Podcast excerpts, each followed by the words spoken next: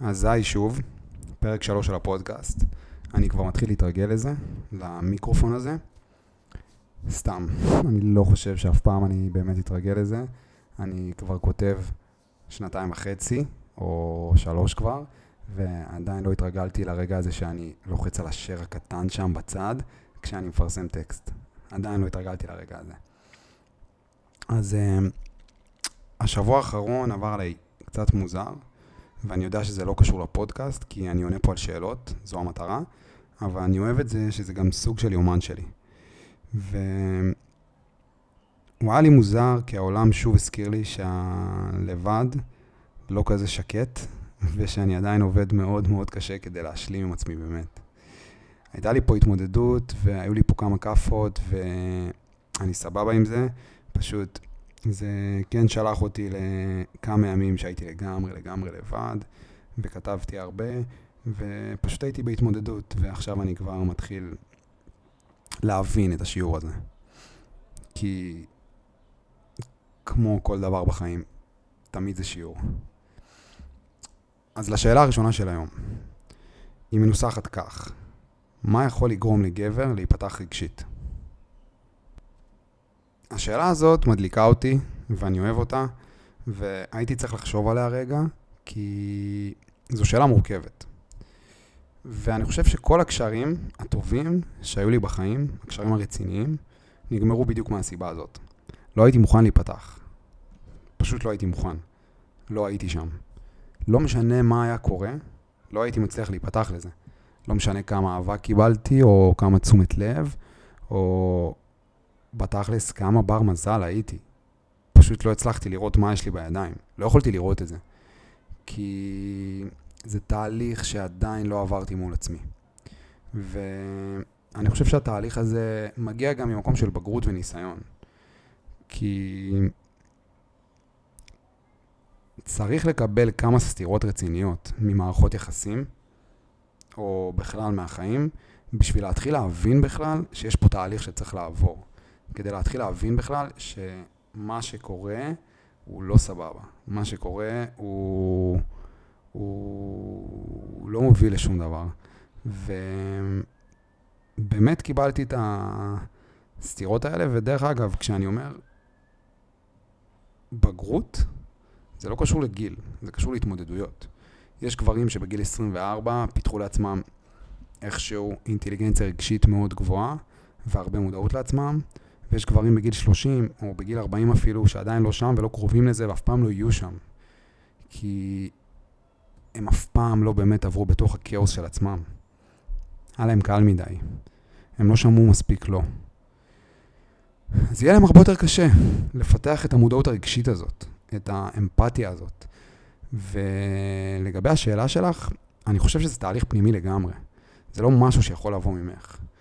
אין שום דבר שאת יכולה לעשות כדי לגרום לגבר שאיתך להיפתח לתהליך הזה.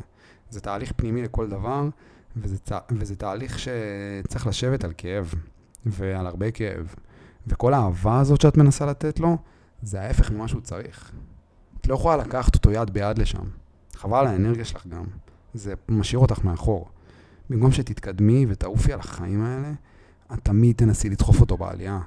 ואת גם אף פעם לא תצליחי, כי הוא לא יוכל להיות אף פעם במקום שלך. את תמיד תהיי כמה צעדים לפניו. אבל אני אגיד לך מה את כן יכולה לעשות. ואם את כבר עושה את זה, את צריכה לעשות את זה בצורה מאוד אגרסיבית וברורה. את צריכה ללכת משם. תני לו את הסתירה הזאת, שהוא כל כך צריך לקבל, כדי להבין שהוא חייב להתחיל לצלול פנימה. זה הדבר היחיד שאת יכולה לעשות. שיבין שאם איתך זה לא עבד, אז כנראה שהוא הדפוק, וכנראה שהוא זה שצריך לעבוד. תתני לו את הסתירה הזאת ותעזבי. תעשי את זה בהרבה כאב ועם הרבה אהבה, אבל תעזבי. לפני שאני צולל לשאלה השנייה, אני רוצה רגע לדבר, אני מדבר פה הרבה על הלבד. ואני יודע שזה מסר שחוזר על עצמו, אבל אני לא יודע איך להגיד את זה. מבחינתי זה המסר העיקרי של הכל. הריפוי שלנו חייב להתחיל בלבד. כל הפערים האלה שיש לנו בלב, מכל ההתמודדויות שהיו לנו בחיים, כל הלבבות השבורים והרגשות והגירושים של ההורים בגיל 10 וטראומות ילדות ותאונות ובכלל טראומות, כל הדברים האלה שאנחנו עוברים בחיים, והרגע הזה שחזרנו מהגן עם הציור ואף אחד לא התייחס אלינו, כאילו זה ברמה הכי הכי קטנה שיש. כל הרגעים האלה שעברנו בחיים יוצרים אצלנו פערים שאנחנו כל הזמן מנסים להשלים מבחוץ. זה לא כיף להיות לבד, זה מציף את כל החרא שלנו. ובמקום להתמודד עם זה ולמלא את הפערים האלה בפנים, אנחנו מעדיפים לקבל את החום הזה מבחוץ, זה הרבה יותר קל. אנחנו מעדיפים לקבל את השקט הזה מבחוץ, אבל אנחנו פשוט חייבים את זה לעצמנו.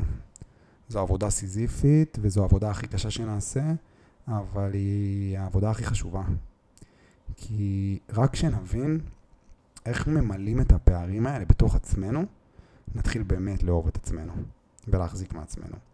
ואז נתחיל באמת להבין מה זה אומר ביטחון עצמי וערך עצמי.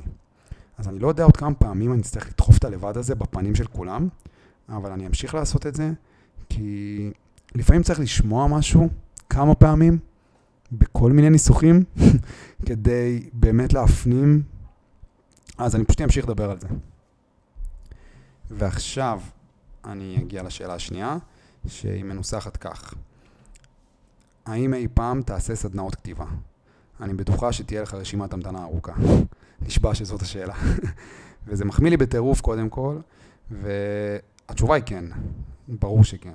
אני מאוד מחכה לרגע הזה, כי קודם כל באופן אישי, אני מאוד אוהב סדנאות כתיבה. רק בשנה האחרונה עברתי שלוש סדנאות.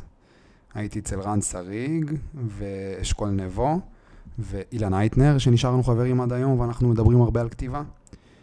ואני חושב שכל סדנה כזאת נותנת עולמות אחרים לגמרי. אצל אילן למשל, זה היה הרבה יותר השראתי. זה היה כזה, אם אתה אומר שאתה כותב, אז תכתוב. אל תזיין את השכל. זה ה vibe של הסדנה. כאילו מאוד בתוך הפנים, מאוד פתוח, מאוד ישיר. הוא בא לתת השראה. רן שריג שונה לגמרי. זה סדנה הרבה יותר אישית, מאוד אישית, מאוד חשופה.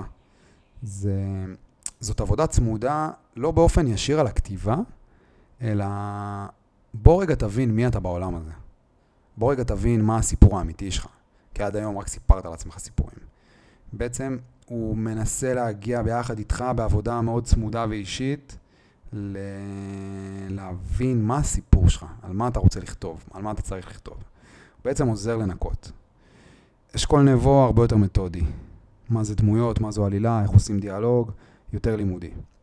עכשיו, מה שכל הסדנאות האלה נתנו לי, ביחד, זה כל פעם מחדש את האפשרות לצאת קצת מאזור הנוחות.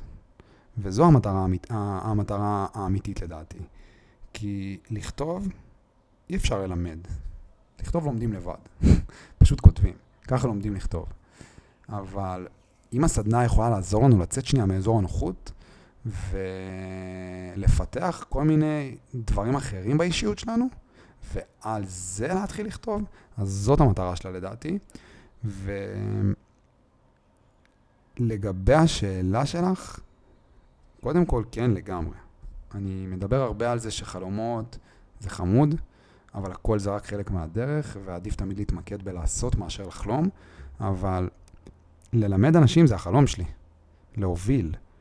לשם תמיד רציתי להגיע, זאת המטרה הסופית, לתת השראה לאנשים, ללוות אנשים, להעביר תהליכים. זו, זו בדוק, כאילו, זאת, זאת בדוק המטרה הסופית. אז כן, אני מתכנן להתחיל סדנה של ליווי, בעצם כתיבה בעידן הדיגיטלי. זה יהיה מבוסס על משובים ועל ליווי אישי צמוד ועל וואטסאפים ועל טקסטים ופגישות. ו... כי בסופו של דבר, כתיבה זה החלק הקל. פשוט צריך לכתוב. זה, זה הסוד היחידי. פשוט צריך לכתוב וזה הולך ומשתפר. החלק הקשה זה לפתח את הגרעין של הביטחון העצמי הזה, שאמת כבר להתפוצץ ולכבוש את העולם. ואנחנו לא תמיד יודעים או מבינים איך מגיעים אליו. אבל הוא שם והוא קיים, ו... וזאת המטרה. ועוד מעט הספר שלי יוצא, אז אני אתחיל לדבר על זה שוב, ממש אחרי שהוא יצא. וזהו להיום. מקווה שעניתי על השאלות, ונתראה פה שבוע הבא.